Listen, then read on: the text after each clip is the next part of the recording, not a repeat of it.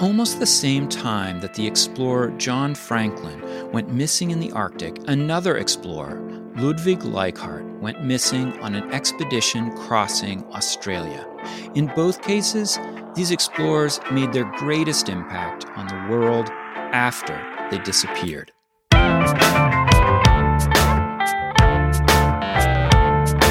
It's time to eat the dogs. I'm Michael Robinson. Today, Andrew Wright Hurley talks about the life and afterlife of the Prussian explorer Ludwig Leichhardt, a man whose reputation has shifted to reflect the changing cultures of Australia and Germany over the past 160 years. Hurley is an associate professor in the Faculty of Arts and Social Sciences at the University of Technology, Sydney. He's the author of Ludwig Leichhardt's Ghosts The Strange Career of a Traveling Myth. Andrew Wright Hurley, thank you for talking with me. Thank you, Michael. So, Ludwig Leichhardt is a Prussian man born in 1813. He studies philosophy and natural sciences at Göttingen and Berlin. And then he travels through Europe in the 1830s before heading to Australia in 1842. Why did he go to Australia? Well, that's a that's a good question. He was tossing up going to various other places. There was a family connection with one of his male friends and benefactors in one of the Australian colonies. And so that's probably one of the reasons why he decided on Australia. But I suppose uh, more broadly, Australia was regarded during the 19th century, among other places, as being a, a location where a great deal of new work in, in the national, uh, natural sciences could be undertaken. So I think that was probably one of the significant reasons, in addition to this family connection of one of his benefactors, William Nicholson. He uh, he makes an expedition after he arrives from Brisbane on the east coast of Australia, uh, and it goes all the way to uh, Port Essington, which is I think it's at the very top of the Northern Territory. That's a pretty long hike it's a long way, yes. What was he? Uh, what was he trying to do?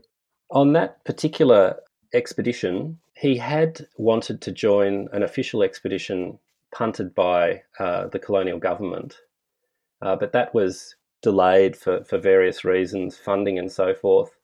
And ultimately, he was, uh, the way he expresses it, he had a thirst for knowledge and couldn't really wait for an official invitation. He had spent quite a bit of time I would say around the frontier, beyond the frontier in the uh, colony of New South Wales. And that was sort of a his his apprenticeship in Australia, if you like. Mm. During that time, he had quite a lot of contact and was was hosted by a great many people who were squatting in the area, people who'd uh, who'd taken up land. He also had quite a lot of uh, contact with Indigenous people who were also living in those areas and he formed the view, whether it was his idea or whether it was an idea that others had uh, before him. It was certainly an idea that he could uh, mount a private expedition, so supported really entirely by by squatters and uh-huh. with the assistance of uh, indigenous expeditioners as well. He formed that idea and set up uh, a fairly light expedition, and uh, off they went.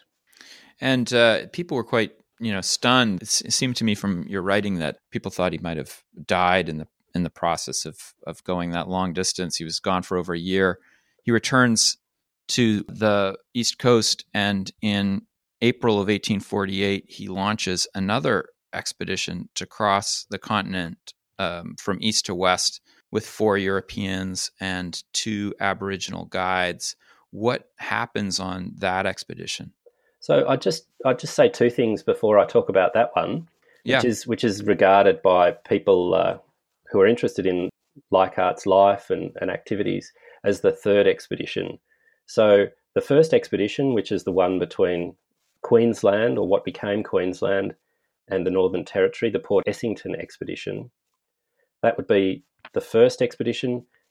He then, after returning from that and being feted by colonial society, decides to set out fairly quickly on another expedition bound for the west coast for the Swan River settlement, so right across Australia. However, after about eight months uh, in the field and not really having progressed very far at all. In fact, no further really than he'd got on the first stage of his first expedition. They had to turn around. There were all sorts of uh, difficulties they encountered. And so that expedition, this second expedition, as it's referred to, was a was an unmitigated failure, really. And that failure, the success, and then the failure, and then the final expedition where he tries to do the same thing again that he's already attempted, and then disappears, as the lore has it. They're the three expeditions, and the the disappearance on the third expedition, combined with that hero and failure aspect of the first two, huh. really contribute to you know this mysterious and mythical kind of figure of Leichhardt. Yeah, uh, just so that people know, the distances that he was trying to cover from east to west is about three thousand miles. Is that correct? It's a very long way. I I yeah. couldn't tell you exactly, but it's it's pretty much depending on whether you're going in a in an arc across the top of uh, the continent or straight through. Uh, it's it's a long way, a very long way. I want to ask you some questions about the afterlife of Leichhardt uh, in popular culture. But before we get to that, I just wanted to ask what do we actually know about that third expedition? Is there any information about what happens to him? So the expedition progresses for a short while from Moreton Bay, which is basically where Brisbane is now, and progresses to various stations squatting stations. The party continues for a little bit, and then Leichhardt decides to backtrack to the last station where he's been to give a final report of, of how things are progressing. And he says things are progressing well, and then that's it. He uh, disappears hmm. according to the European or, or uh, settler Australian version of things. Now, there are two ways, I guess, in which that idea of disappearance has been uh, questioned in, in recent times. I should say disappeared without a trace.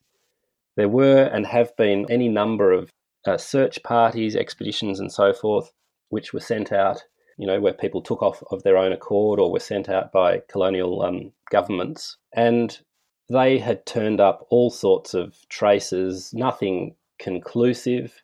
But as I say, this idea of disappearance is really part of that iconic myth of the, the explorer who disappears. Yeah. But it has it has been queried, undermined in, in various ways.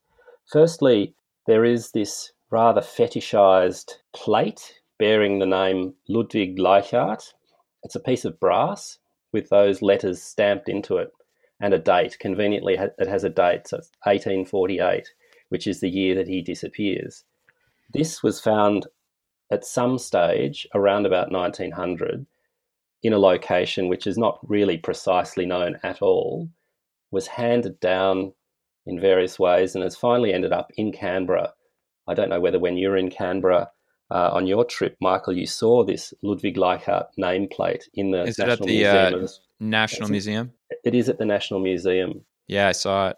So this is a piece of uh, of metal which is thought to be the only authenticated relic from that final expedition. Mm. And I'm currently writing something about a sort of an object uh, biography of that rifle plate. But it is the one thing that sort of is thought to be a, an authentic relic and can give us some idea about how far he might have made it across the continent.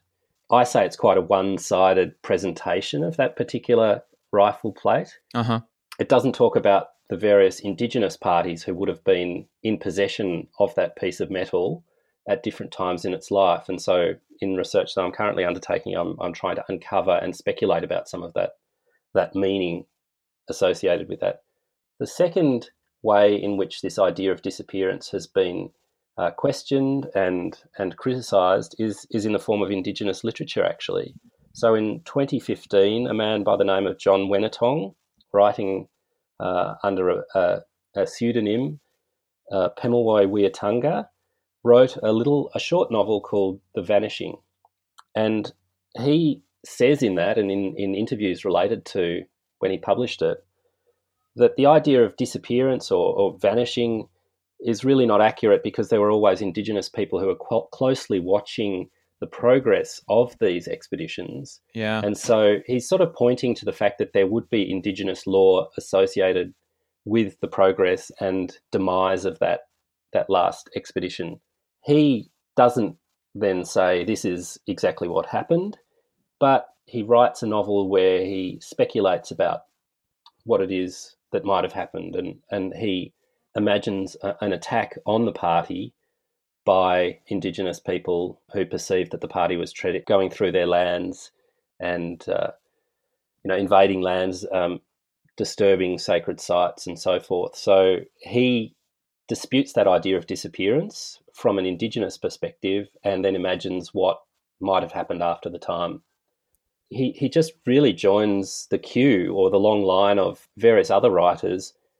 Almost all of them, apart from him, are non-indigenous uh, who've speculated about what happened on that famous, fated last expedition. So he's just coming at it from a different and clearly identified as indigenous perspective.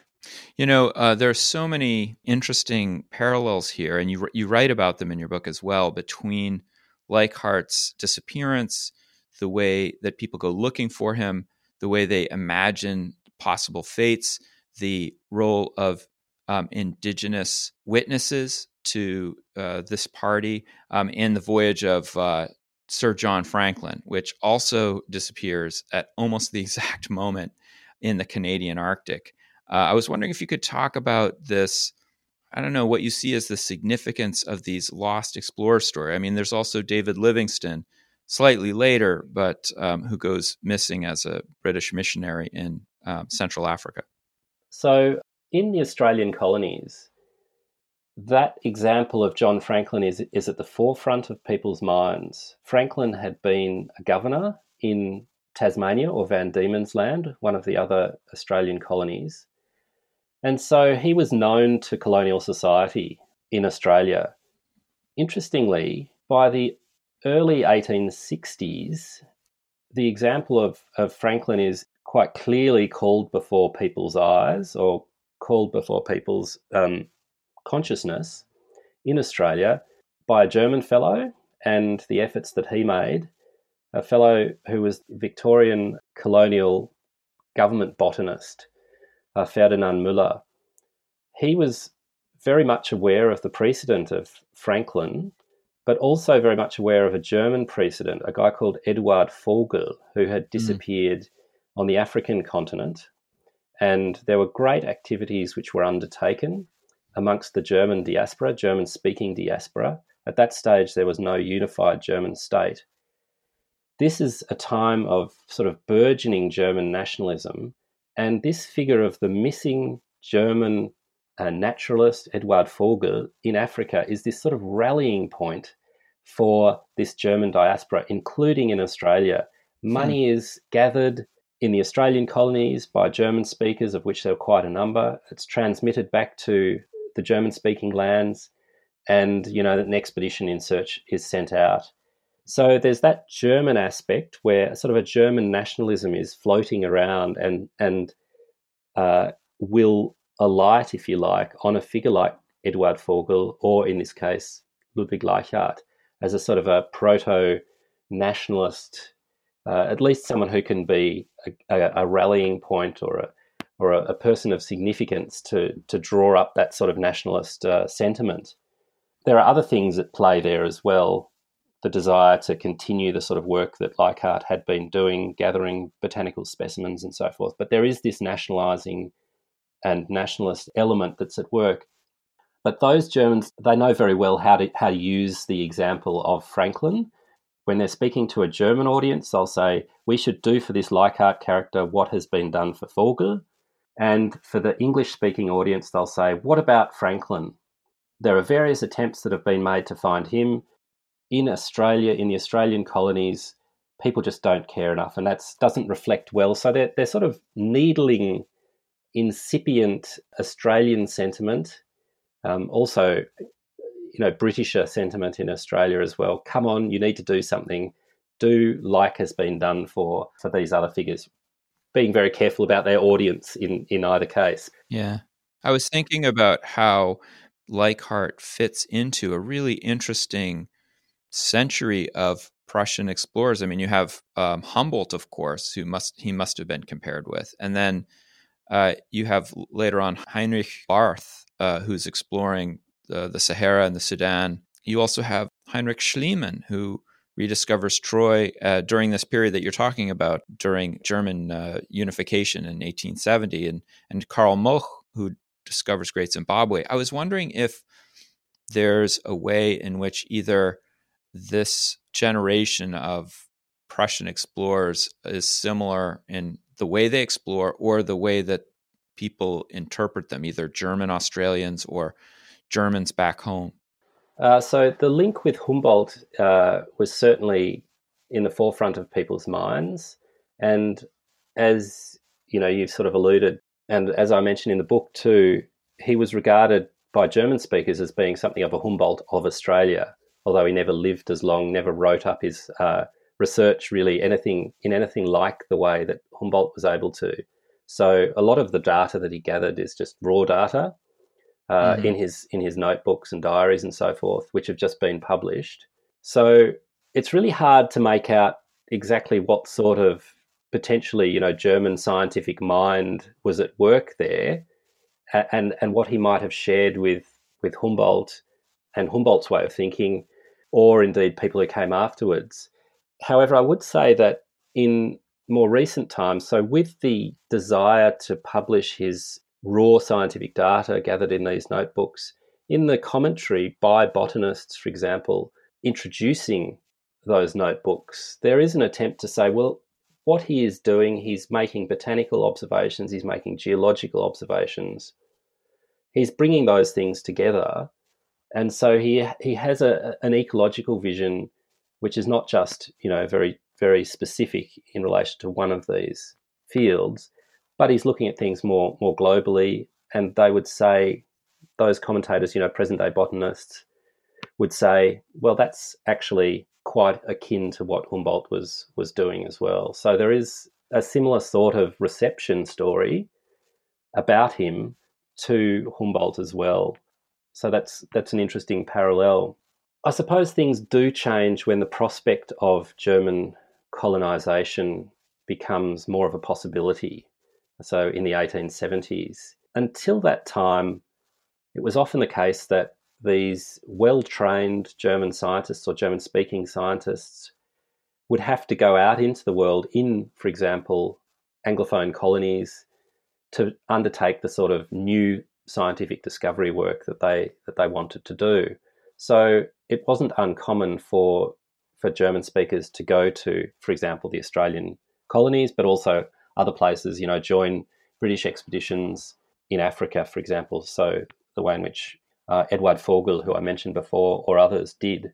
When the prospect of colonies comes in, then the idea is that well, people could be doing exploration in, in areas that might become German colonies. And, you know, when the colonies do then get established in the 1880s, all sorts of work can then occur in those places in an easier sort of way. Doesn't mean that those figures who had been involved in scientific work in other people's colonies would get forgotten, though. Mm. In fact, we find that they get sort of pulled in in some of the, the, the, sort of lobbying work and around about that time that there is lobbying going on for German colonies to say, well, look, these people have been more or less doing colonial, colonizing sort of work in other places already.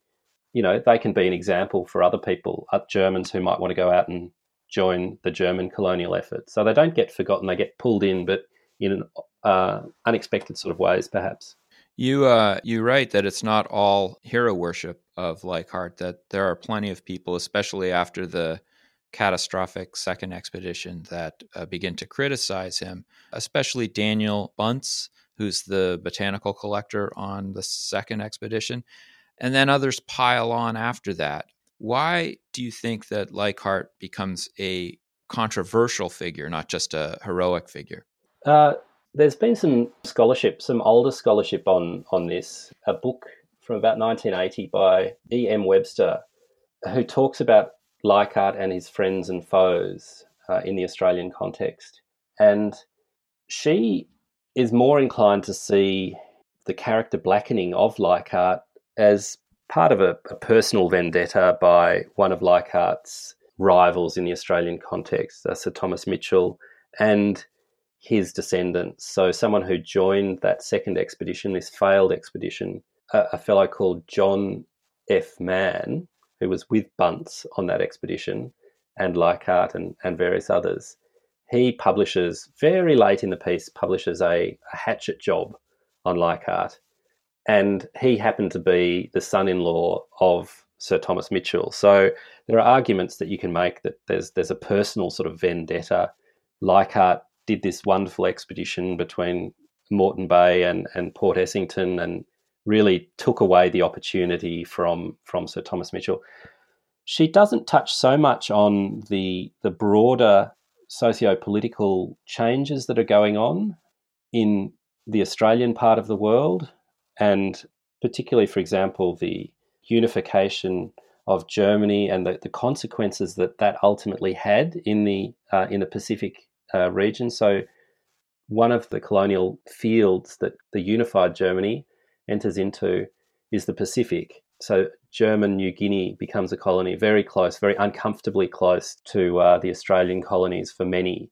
And so, there are all sorts of geopolitical aspects that pile in as part of what one scholar calls, you know, the Anglo-German antagonism that just goes really from from unification and builds and builds and builds into the First World War. And he's a he's attacked for matters of character, right? Character and and uh, his ability to command the expedition. Correct. So you know, there's a, there are attempts to sort of belittle his ability to command. So he's read in a in a sort of a military context, but as being inadequate. You know, not being able to to discipline, for example, indigenous expeditioners. You know, he just sort of gives them too much uh, leeway, too much liberty, and in the view of people like John Mann and others subsequently. So that criticism does sort of coalesce in various areas. One relates to his sort of inability to command, inability to discipline uh, Indigenous people, being a sort of a bumbling fool and not really knowing how to navigate and find his way from one place to another.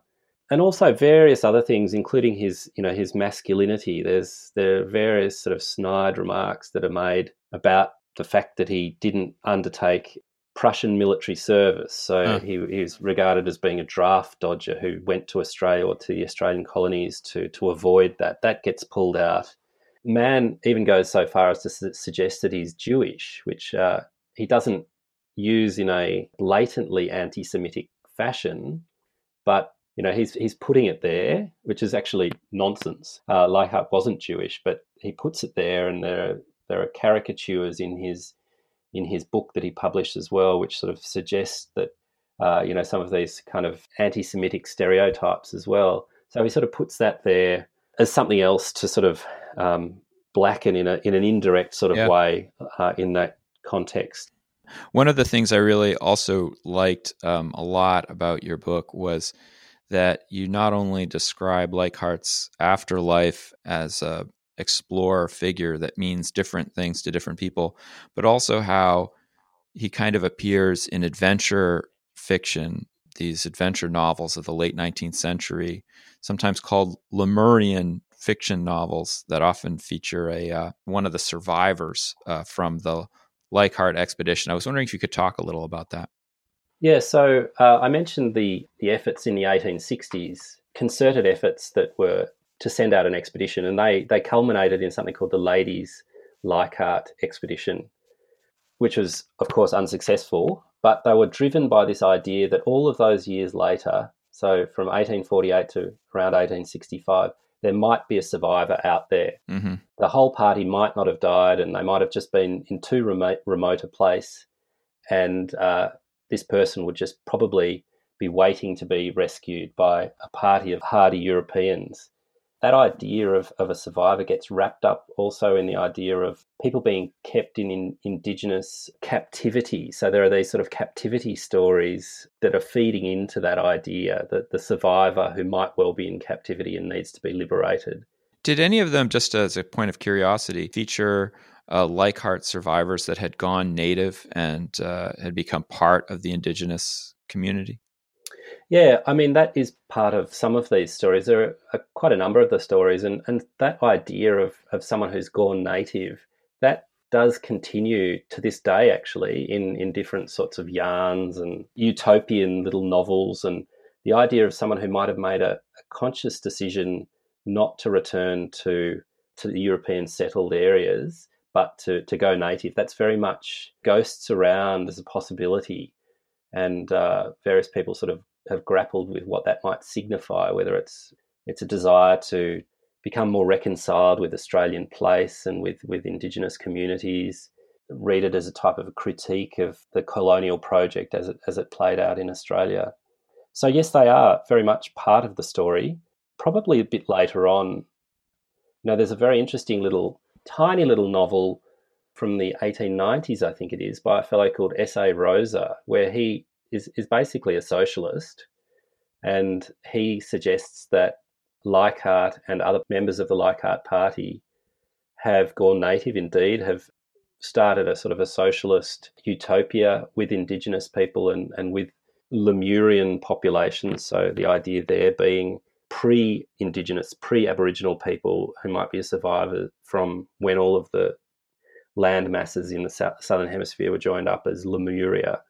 Uh, this is the idea.